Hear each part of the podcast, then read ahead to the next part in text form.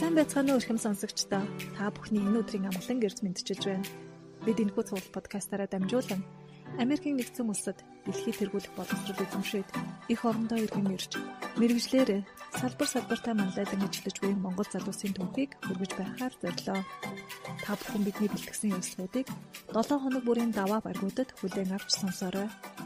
Сайн байцгаана эрхэм сонсогчдоо. Монгол Америк төгсөгчдийн холбоо буюу МАСАгаас эрхлэн өргөдөг Америкт суралцсан миний төв зурвал подкастын маань цоошин дугаар та бүхэнд хүрэхэд бэлэн болоод байна. Энэ удаагийн дугаарт бид нар яг хуулийн чиглэлээр Америк сураа төгссөн нэгэн сонирхолтой зочныг өрсөн байгаа. Тэгээ энэ хүн маань Америкийн нэгдсэн улсын Penn State University-г төгссөн. Эрдэнэ булганы дүлгөөн байгаа. Тэгээ бид нэр урилгыг хүлээж авсанд баярлалаа. Өөрийгөө манай сонсогчдод дэлгэрэнгүй танилцуулаад хоёлаа. Яриагаа эхлэе. Сайн байна уу? За баярлалаа юуны төрөнд намайг энэхүү подкастнда оруулж ярилцуулж байгаа завшаа олгосонд маш их баярлалаа. Тэгээд өөрийгөө товч танилцуулъя. Намайг Эрдэнэ болгоны дүлгөөн гэдэг хуульч мэрэгчлээ.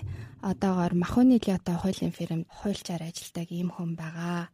10 жилдээ хаан сурч бакалавра хийсэн үү, магистра Америкт хийсэн үү? Анх бол би англи хэлийг 10 жилдээ сурч исэн. Орос 14 дугаар сургууль Орос хэлний зэрэгтэй 3 дугаар ангиас манайх англи хэлний хичээл ерөн заагаад явдаг байсан. Үүний дараагаар би Саруул ирээдүйн сургуульд суралцаад бакалаврын дэргээ болохоор Монгол Улсын их сургуулийн хууль зүйн сургууль төгсөөд үүний дараагаар Америкийн нэгдсэн улсад Pennsylvania State University буюу хүмүүсийн мэддгээр Penn State Law гэдэг сургууль мастрын зэрэгээ хамгаалсан маш олон ялангуяа өсвөр насны хүүхдүүд Америкт сурахдаа хуулийн чиглэлээр сурах гэсэн бодолтой байдаг шүү дээ. Ер нь Америкт хуулийн сургуулийн систем нь яаж ажилладгийг хүмүүсийн дунд нэг ийм ойлголт байдаг шүү дээ. Америкт бакалаврын чиглэлээр хуулийн сургууль байхгүй. Тийм учраас заавал бакалавра өөр нэгэн мэрэгчлэр хийчээд магистра хуулиар хийдгээ гэсэн. Зарим хүмүүс болохоор pre-law буюу яг хуулийн сургуульд орохын өмнөх сургалтанд хамрагдсан байх ёстой ч гэдэг юм уу. Цэгцгүү зөрөөнүүд их байдаг л да. Энэ л дээр хуулийн сургуулийн систем нь яаж ажиллаж. Юугаараа Монголоос ялгаатай юм гэдэг талаар бас мэдээлэл өгөөч.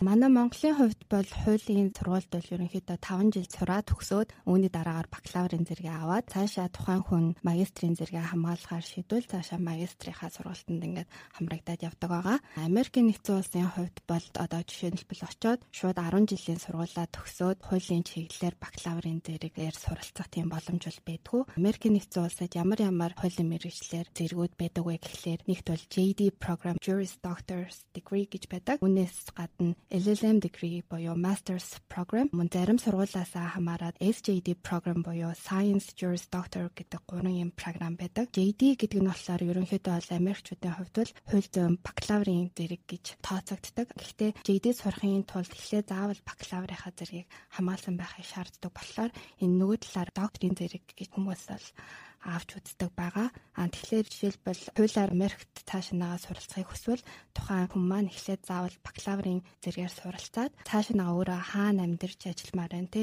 Америкт жишээлбэл одоо ажиллаж амьдармаар байх юм бол миний хувьд бол JD degree суралцаад цааш нагаа ажил олоход илүү их боломжийг гаргаж өгдөг гэж боддог. Жишээлбэл миний хувьд бол Монголд бакалаврын зэрэг хамгаалсан 5 жил сураад тийм болохоор миний хувьд бол Америкт очиод 1 жилийн магистрийн зэрэгээр суралцах нь илүү миний хүсэжсэн зүйл гэж хэлж болно.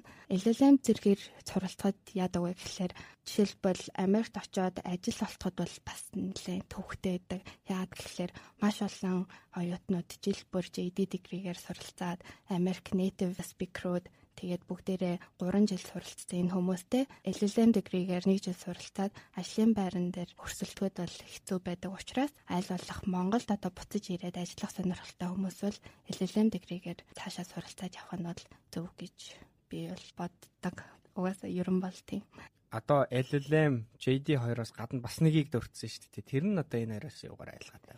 Science Juris Doctor гэдэг нь бол ерөнхийдөө Монголд бол PhD Doctor зэрэг гэж байдаг. Америкийн зарим сургуулиудад бол энэ SJD гэдэг программыг санал болгоснороо тухайн хүн ямар нэгэн сэдвийг цаашаад өргөжлүүлэн судлаад манай Монголын хувьд бол PhD Doctor зэрэгтэй бол нэлээд адилтгсан юм програм байгаа. Тухайн хүн нь өөртөө шаардлагатай хугацаанаас хамаарат 2 3 жил үнээс илүү хугацаа шаардлагатай байхаа тохиолдолд судалгаагаа хийгээд тэгээд энэ хүү дэгрийг бол хамгаалдаг гэсэн үг.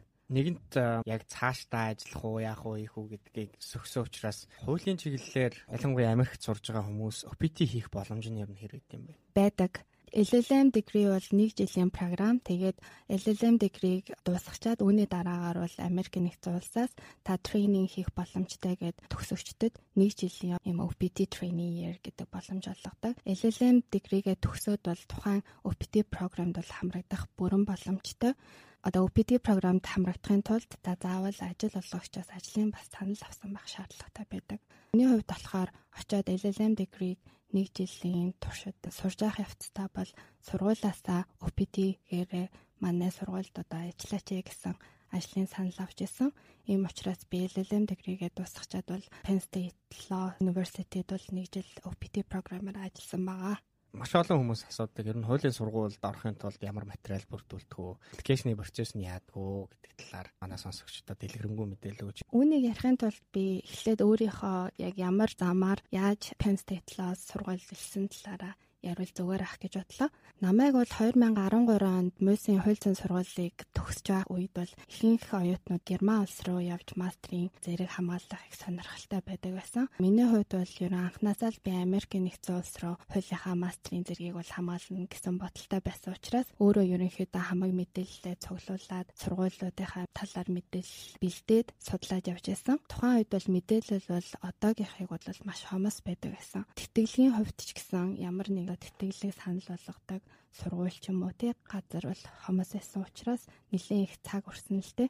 2013 оны яг тэр үед бол нэг Монгол улсын засгийн газрын тэтгэлэг гэж зарлагддаг байсан. Тухайн үед бол миний план юу байсан бэ гэхээр Монгол улсын засгийн газраас зарлагдах энэ тэтгэлэгт хөтөлбөрт хамрагдаад цаашаа нагаа сурыг гэсэн бодолтой байсан боловч яг миний төгсөх жил бол тухайн тэтгэлгийн хөтөлбөрөөс бол магистрийн зэрэг нь хасагдаад зөвхөн бакалавраар тэтгэлэгт хамрагдах боломжтой болсон. Ийм учраас би өөрөө нөгөө тэтгэлгээ сургуулаа хаах шаардлагатай болоод ингээд судлаад явсан. Тухайн үед бол 3 сургууль руу материалаа явуулж ирсэн. Cornell тэгээд Penn State Law, Melbourne-ийн сургууль гээд энэ гурлан материалуудаа бэлдэж авуулаад тэгээд Penn State Law-г бол яагаад сонгосон бэ гэхлээр тухайн үед надад бол арай их хэмжээний scholarship offer болгосон. Ерөнхийдөө тухайн үед ямар ямар материал бүрдүүлэх шаардлагатай талаар ингээд судлаад яваад бүх дамыг нь өөрөө туулаад явсан хууль зүйн сургуульд материал явуулахад basic хэд хэдэн материалууд шаардлагатай болдог. Нэгт болохоор resume CV, хоёрт application, гуравт болохоор TOEFL-ийн score хэрэгтэй. Transcripts шаардлагатай болдог. Тэгээд мөн personal statement гэсэн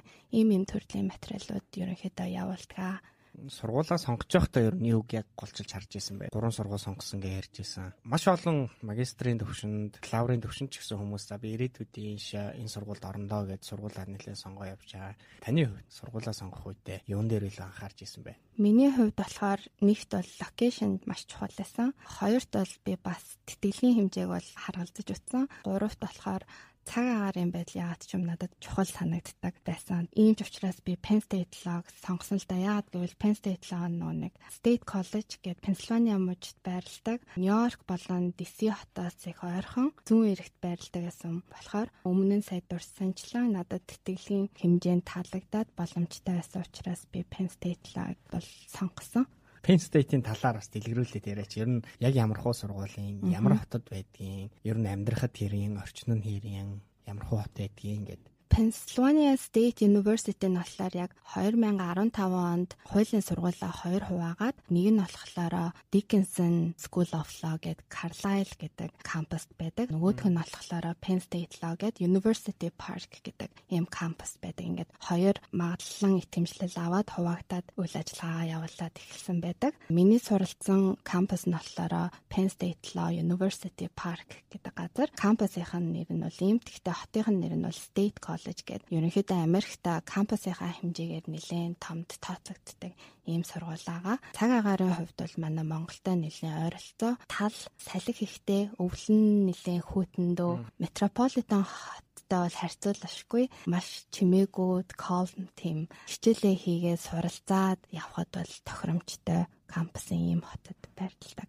Ер нь хот нь хэр аюулгүй байсан. Хот нь ерөнхийдөө бол маш аюулгүй. Хамгийн анх би Пенсильвания руу DC-гээс автобусаар явж исэн л да. LLM дэгрийн хувьд болохоор бусад оюутнуудаасаа нэг 14 20 хоногийн өмнө эхэлдэг. Яагаад гэвэл orientation class гэж зүйл нь арай уртчилж эхэлдэг болохоор намайг яг очиход бол хотод бол ямар ч хүн байгаагүй. University Park руу оронгууд үнэ ямаа хон гэд манай Монголын хөдөө шиг яг тийм л газар байсан. Хүн ямар ч байхгүй би ч одоо ямар газар очиж авдаа гэд бас хэлээд бодчихсон л та.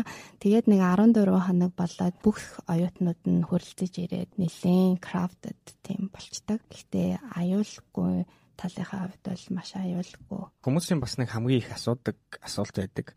Тэр нь бол нөгөө хатиглыг авсан уу? Тэгээд сургалтын төлбөрөө яаж санхүүжүүлсэн бэ гэдэг асуулт байдаг шүү дээ. Төлгөөний хувьд сургалтын төлбөрөө яаж санхүүжүүлж байсан бэ? Хуулийн сургуулиудын хувьд бол бас бусад сургуулиудтай харьцуулаад үзэхэд нэлээд өндөр хэмжээний tuition-тэй байдаг. Penn State Law-оор бол би ерөн application материалаа явуулахдаа сургалтын төлбөрийн тэтгэлийг хамрагдах бас хүсэлтэй байна гэдгээ давхар явуулж байсан л та. Тухайн үед бол надад Penn State Law-аас яг нэг 50% тэтгэлэг олгож байсан.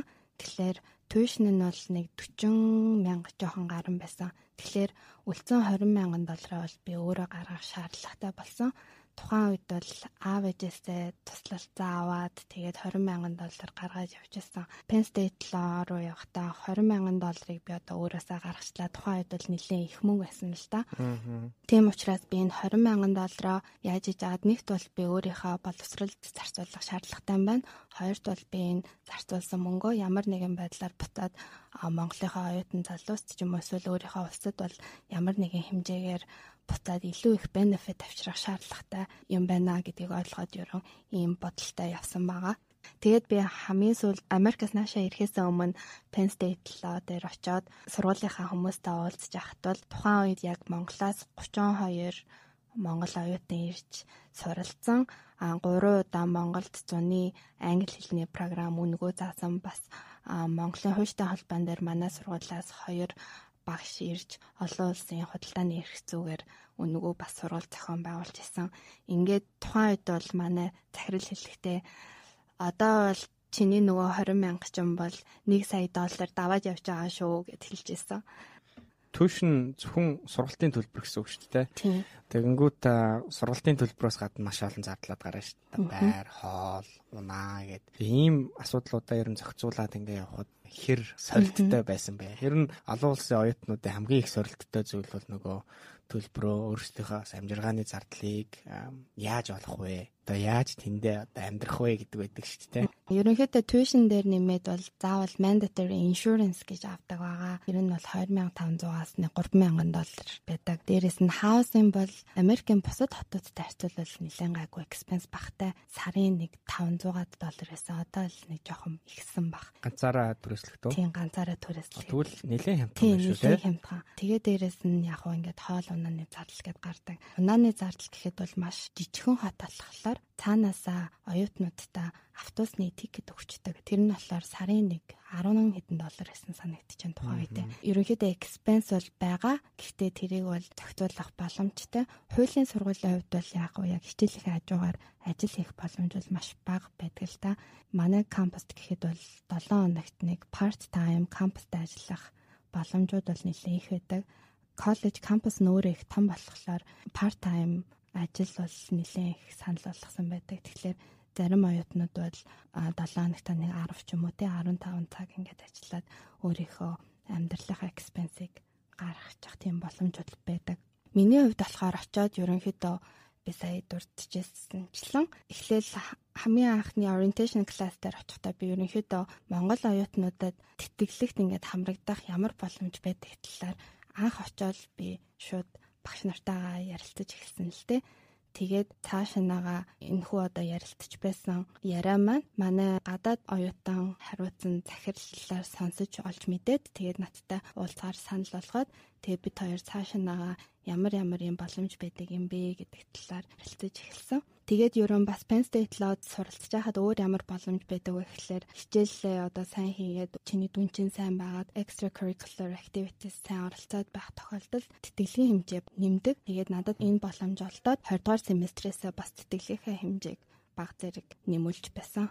Би бас сонсч байсан Монгол Улсын их сургууль Penn State University-тэй харилцан ойлголцлын санамж өчөг буюу MOU байгуулж исэн гэж сонсч байсан. Энэ талаар төгөөний маань оролцоо байсан гэж сонсч байсан.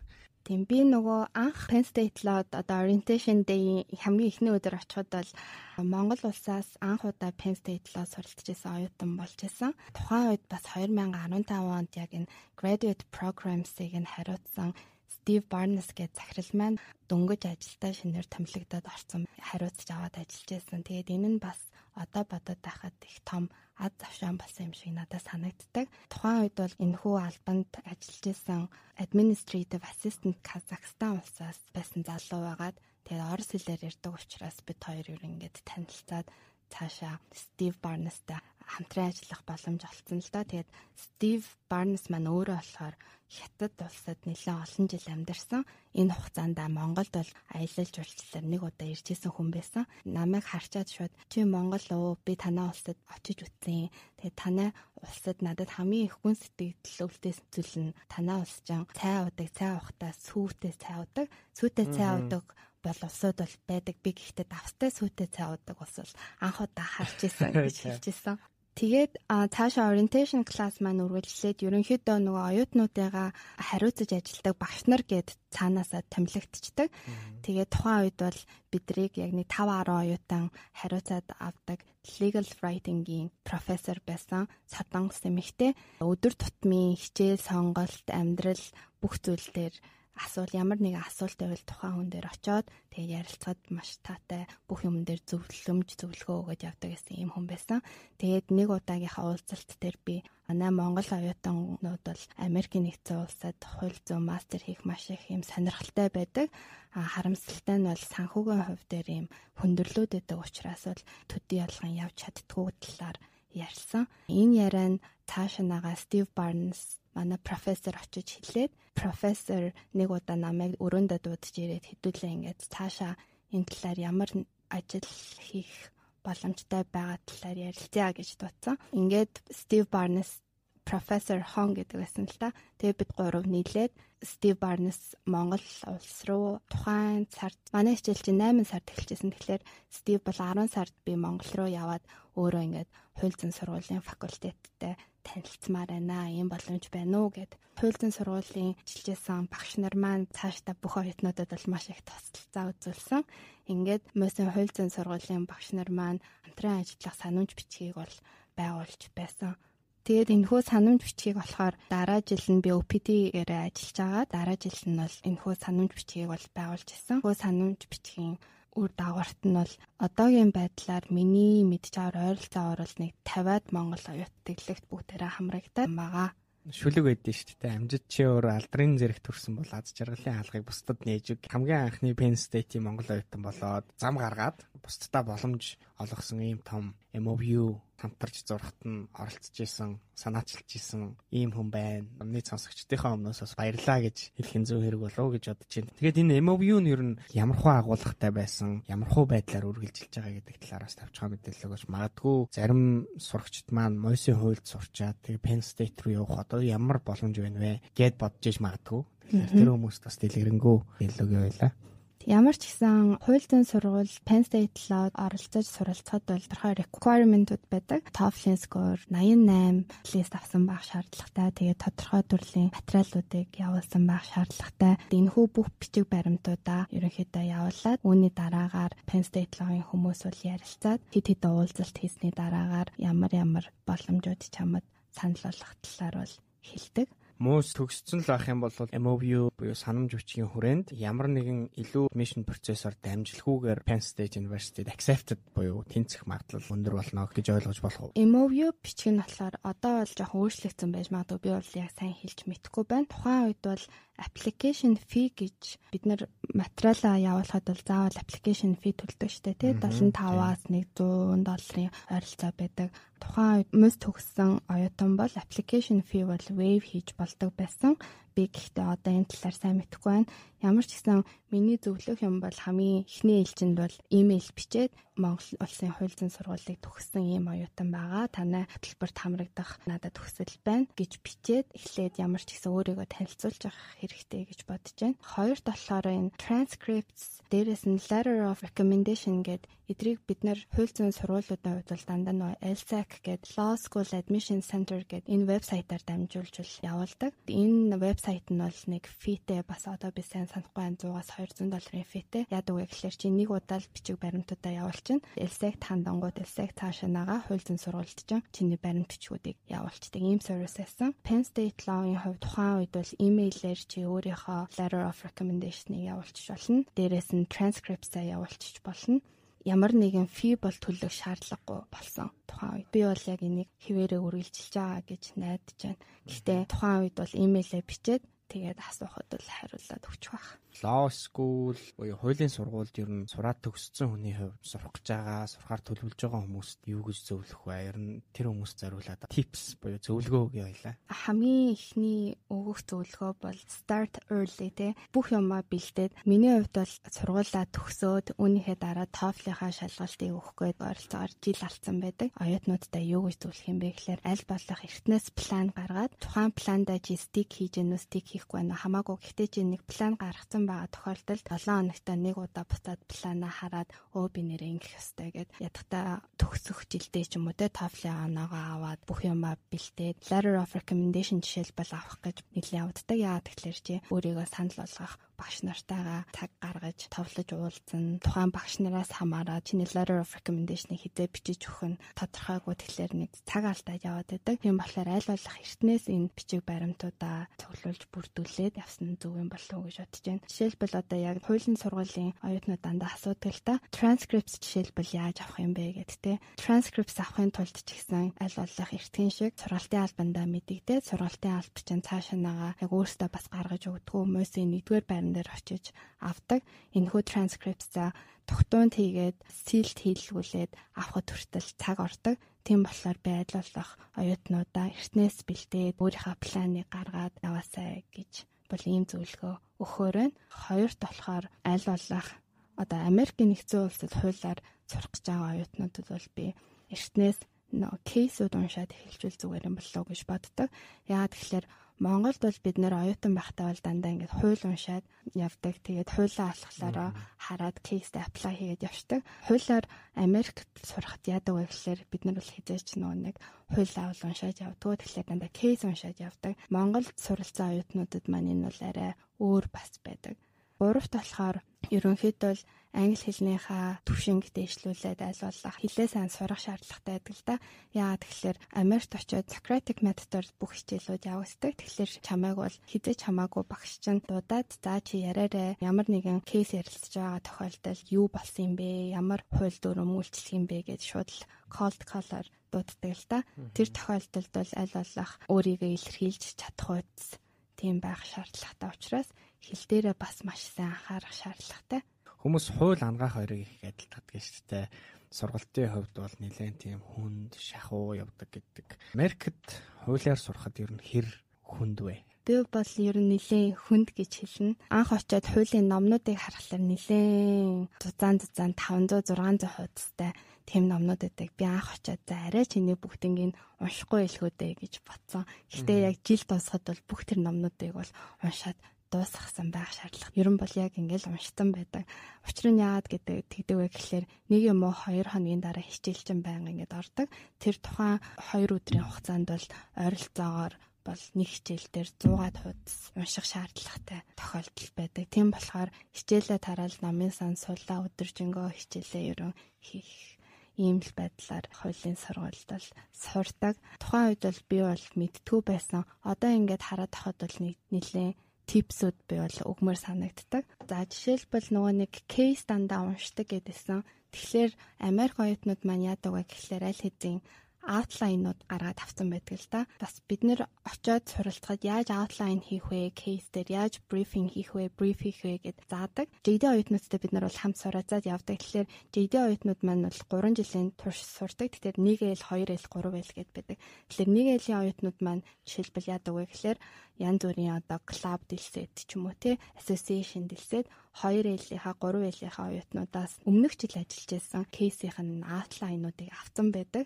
Тэр нь бол маш цаг хугацаа хэмндэг, дээрэс нь маш ойлгомжтой байдлаар бичсэн байдаг л та. Аль болох очиод суралцж байгаа оюутнууд бол study group дараад бусад JD оюутнуудтай танилцаад networking хийгээд бэлэн материал ч юм уу авах эсвэл вебсайтууд байдаг л та одоо case brief хийсэн байдаг. Иймэрхүү материалыг эхлээд уншаад тэгээ дараа нь ядтаа кейс уншвал арай ойлгомжтой байдаг. Учир нь яадаг бол кейсүүд нь бол бүр 1900 1800 оноос бичигдсэн дээр үеийн англи хэл дээр бичигдсэн юм кейсүүд байдаг болохоор уншаад нэлээд их цаг ордог. Яг Америк руу хуулийн сургуульд явъя гэж бодож байгаа хүмүүст бас нэлээд их гоё замын хэлбарчилж өгөх байхаа гэж бодож ийн зөвлөгөө. Америкийн нэгдсэн улсад суралцж байх үеийн хамгийн сайхан дурсамжуудаас танаа сонсогчдод хаваалцаж. Одоо буцаад ботход бол надад Америкт өнгөрөөсөн өдөр бүр маш сайхан дурсамжтай байсан санагддаг. Маш их олон газраар явахыг хичээсэн би тухайн үедээ нэг жилийн програм тэгээ дараа нь ингээд нэлээд утсан ч гэсэн аль болох ажил амьдралаа хичээлтэйгээ зэрэгцүүлээд явахыг би чухал юм байна гэдгийг бол дараа нь ойлгосон л та. Америкт суралцж байхад ер нь сорилттой үе үзэндээ байдаг штэ. Хамгийн сорилттой хүнд юм шиг санагдчихсэн. Тийм үе нь ямар үе байсан бэ? Ерөнхийдөө мастрынхаа зэргийг хамгаалаад анх Америкт очих эхний нэг жил бол хамгийн хэцүү санагдчих байсан. Яг эмэгтэй хүнийхээ хувьд бол бас жишээ нь байран дотор янз бүрийн шавьж явах явах юм уу те? А амтын явах ч юм уу иймэрхүү үед бол одоо өөрөө алхаас ямар ч өөр боломж байхгүй тэгэл тухайн үед яг өөрөө татар хүнтэйгээ барьцалтаал тэгэл иймэрхүү юмнууд дээр бол бас нэлээд хэцүү байсан. А би яг одоо сандгийн жоохон хөвчлөлтэй байж магадгүй нэг очоод 10 14 хонсон ч миний өрөөний гэрэл хатцсан Тэгээд би нөө гэрлээ солих гээд автеркаар гэрлээ сольж байхдаа яах аргагүй уйлж ийсэн. Өмнө нь ерөөсөө тийм зүйл хийж үзэж байгаагүй болохоор тэр үед нөө бүх юм ингээд бүрэлдсэн яг уйлахад бэлэн байсан үе. Тэгээд яг автеркаар нөгөө шрууп нь эргэхдэггүй. Тэгэл би яг тэр үед бол нэг уйлж исэн. Яг хоо нэг тиймэрхүү зүйлүүд байдаг л да. Жишээлбэл одоо хүнсний дэлгүүрээс хүн дууттай юмнууд зөөгөөд явах ч юм уу нэг тийм жижиг сажиг асуудал бол байдаг. Тэгээ хамгийн гол нь бол гэрээ бол хүмүүс их сандаг. Энэ бол хүн болгонд л одоо учирдаг зүйл. Тэгээд сургуулаас бол яг энэ зүйлүүдийг бүгднийг мэдсэн байдаг. Тэгэхээр оюутнууд болгонд гарын авлага өгдөг. Яг тэр гарын авлагыг бол уншаад үзэнгөө танд бол ийм ийм үеуд ирнэ. Та энэ үеүүдэд яах шаардлагатай вэ гэдэг талаар ингээд жижигхэн зөвлөмж өгсөн байдаг. Жишээлбэл манай сургуулийн хувьд гэвэл та гэрээ санаад хин нэгнтэй ярмаар санагдах юм бол 24 цагийн бол утас ажилтдаг ч юм уу тий. Харанхуй шунд бид нар ч номын сан суугаад орой 10 11 ч юм уу. Эсвэл манай номын сан бол 24 цаг ажилтдаг. Тэгээд дүүштэй. Тэгэхээр ерөнхийдөө гэртээ харихгүй бараг номын сандаа байж байгаа л усандаа орчоод хичээлдээ суух боломжтой. Оройн цагаар оройтлог ингүүд жишээлбэл утас руу залгаад таныг хүн хамт алхаад автобусны болол руу хөргөж өгч юм уу тий.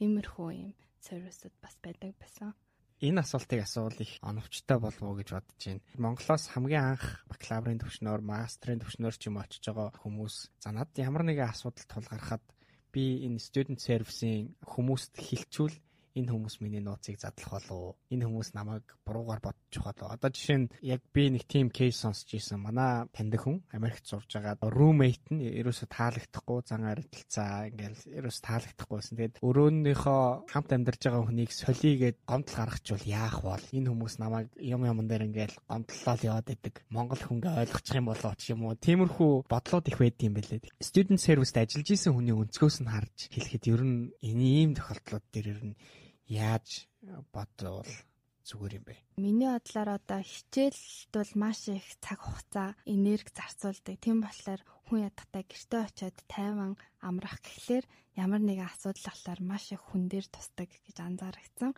Тухайн үед бол асуудлыг хариуцсан хүнд нь асуудлаа хэлээд шийдвэрлүүлэхэд бол ямар нэгэн асуудал бол байдгүй. Ихэнхдээ рентийг нь хариуцсан одоо байгууллагууд байдаг дайрнуудыг хариуцсан хүнж гэж тустай байдаг те. Тухайн бүрд бол дандаа имэйл бичээд аль болох би бол комплейн бичих айгуу дуртай хүн байсан. Ямар нэгэн имэйл бичээл бичсэн тохиолдолд тухайн хүн нь бол аль болох өөрийнхөө чадлаар туслаад дэмжиж ингэж явждаг байсан. Анх очиод надад бас адилхан дөө кейс гарч ирсэн л да.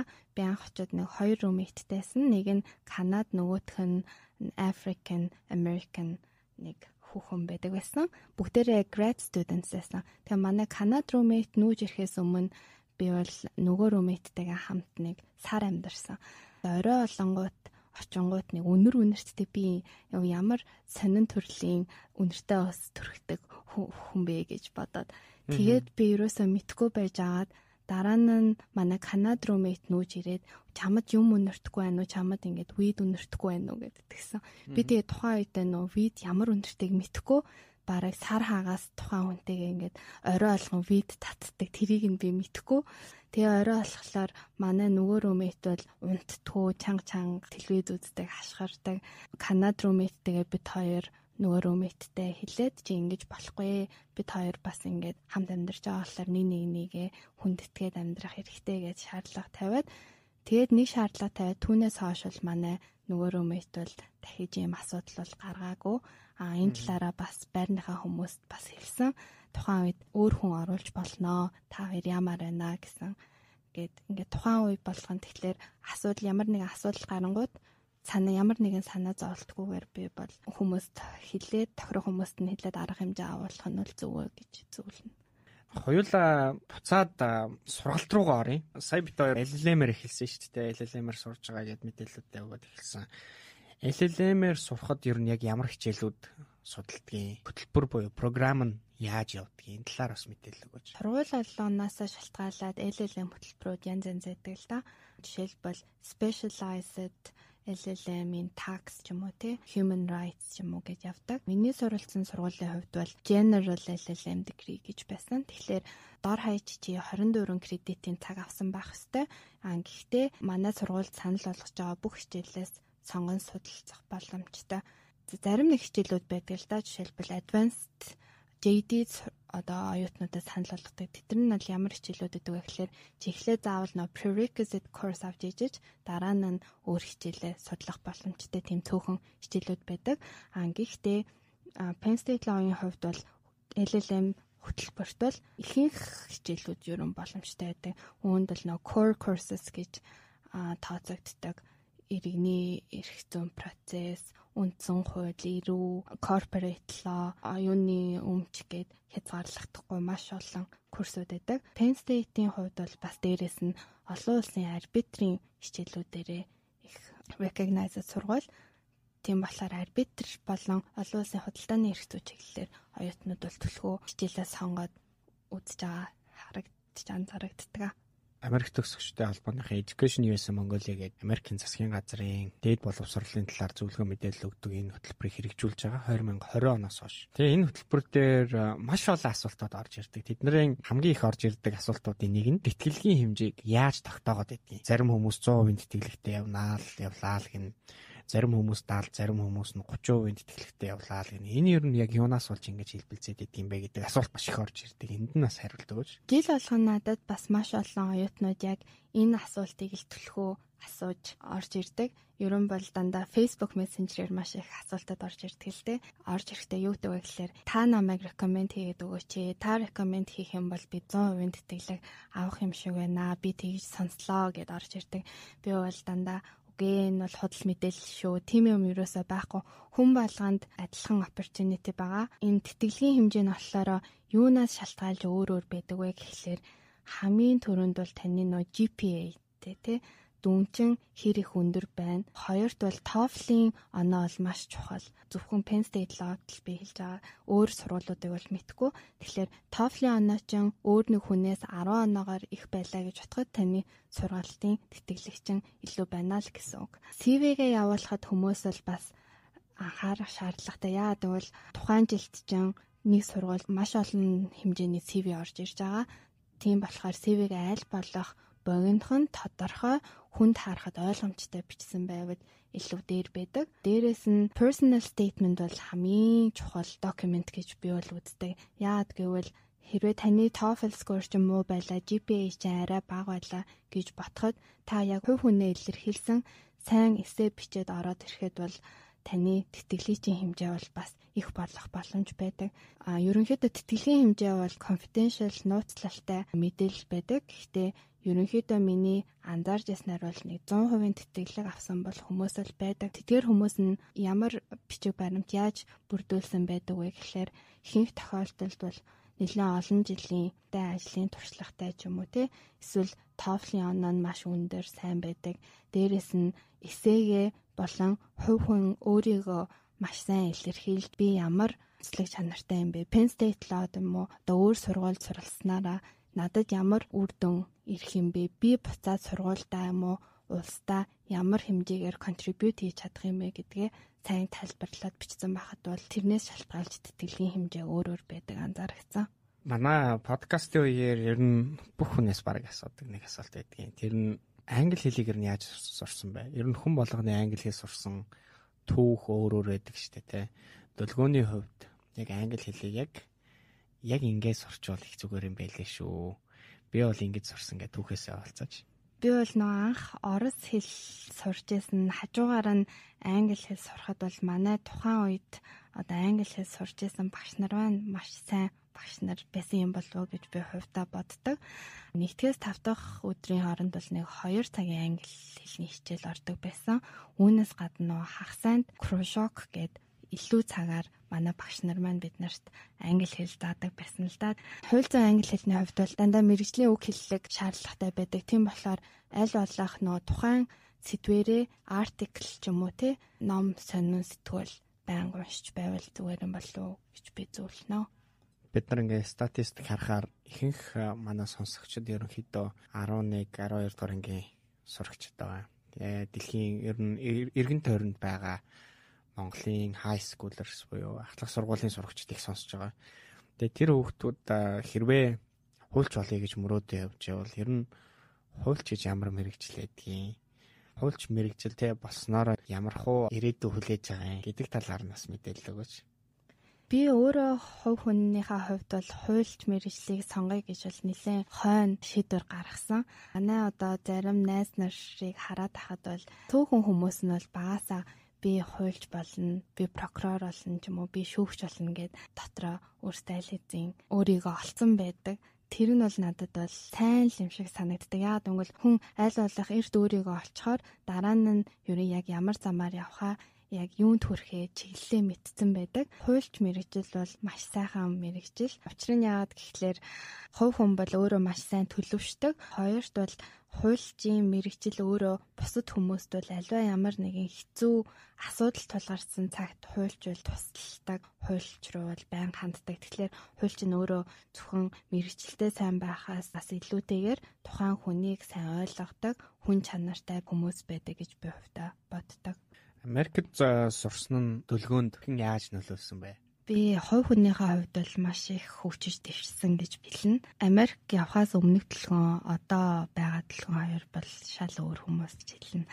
Яагад гэвэл Америкт очиод чи бүх зүйлээ төлөвлөж сурдаг бүх зүйл төлөвлөгөөний л дагуу явдаг. А Монголд болохоор яг уу нэг өдөр нь гів гинэт нэг асуудал гарч ирдэг те. Тэгээл 7 хоног дахиад байж байгаа л өглөө зэрэнгүү дахиад нэг асуудал гарч ирдэг. Америкт болохоор бүх юмаа төлөвлөө arrange хийсэн байхад бол ямар нэгэн асуудал бол нөх их тгийж байнгут гарч ирээд байдгүй чи бүх юмаа төлөвлөөд цагаа зөв хуваарлаад сурсан болдог. Танаа сургуулийн хувьд хөшлийн бэрхшээлтэй хүмүүст хэрэгэлтэй сургууль байсан бай а public university учраас цаанаасаа нөгөө фанд нэг сайн байдаг. Тийм учраас энэ disabled хөгжлийн бэрхшээлтэй хүмүүст бол янз бүрийн хөтөлбөр санал болгох юм бэлээ. Арай их хэмжээний scholarship ч юм уу те. Мөн дээрээс нь сургууль дээр disability service center гэдэг тусдаа хүмүүс байдаг. Тийм учраас нөгөө сургуулийнхаа вебсайт руу ороод яг search хийнгүүт бүх мэдээлэл нь гараад ирдэг recommendation service гэд байдаг. Ялангуяа нөгөө нэг final exam эсвэл тухайн өдөр хичээлдээ хүрэлцэж ирж чадахгүй болсон тохиолдолд видеогоор хичээлээ үзэх ч юм уу эсвэл шалгалтын хуваарийг хойшлуулж өгөх ч юм уу тиймэрхүү байдлаар бол маш олон төрлийн recommendation санал болгодог. Америкт яг сураад амьдарч байхад маш олон асуудлууд гардаг шүү дээ. Яг Америкт очиж амьдраагүй хүмүүст зориулаад зөвлөгөөнүүд үгүй Америкт амьдрахад бас ийм ийм мэдж явах хэрэгтэй шүү гэд. Хуулийн сургуулийн tuition нь өндөр, дээрэс нь номнууд маш үнэтэй тий. Тийм болохоор сургуулийнхаа одоо жишээлбэл номын дэлгүүрээс номоо авъя гингүүт нэг номон дунджаар нэг 200 доллар байдаг. Нэг хичээл дээр нэг ном биш, заримдаа хоёр ном хэрэгтэй тохиолдлууд байдаг. Энд жишээлбэл яаж мөнгөө хэмнэх вэ гэхлээр Amazon-аас би бол дандаа номоо рентлээд авчдаг гэсэн. Тэгэхээр нэг үлрэлт бол нэг номыг нэг 30-аас 50 доллараар рентлээд авчихад бол хамаагүй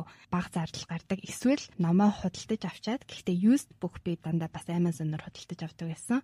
Тэгэхээр used book-а хэрэглэчээд семестр дуусаад дараа семестрийн эхэнд бас Amazon Seller гэдэг аппликейшн гэдэг хаа тэрүүгээр зарчхаар бас нэг 20-30 доллараар номнуудаа судлаад үзчих боломжтой байдаг байсан. Хоёрт гэвэл одоо жишээлбэл insurance plan гэд байдаг тий. Манай сургуулиас бол нэг 3000 долларын insurance plan mandatory гэд заасан байдаг би дараа дараа жил ирсэн оюутнуудаа юу гэж зөвлөсөн бэ гэхлээр тухайн сургуулиас insurance policy ийм шаардлага хангасан ийм даатгалыг аван шүү гэж заасан байдаг. Тэгэхээр өөр вебсайтаар хайж байгаад тухайн сургуулийнхаа яг тавьсан шаардлагуудыг лист хийж агаад хайхлаар арай хямдхан план ч юм уу гараад ирдэг. Мянгаад доллараар даатгалаа бас зохицуулах боломж байдаг. Гуравт би сайн нөө ярьсан те хүнс хоолоо ингээл хол хол зөөхөд хэцүү байдаг. Дээрээс нь Америкт ч нөгөө нэг ус нь охиор шууд уух бас боломжгүй зарим газруудад тэгэхээр усаа дандаа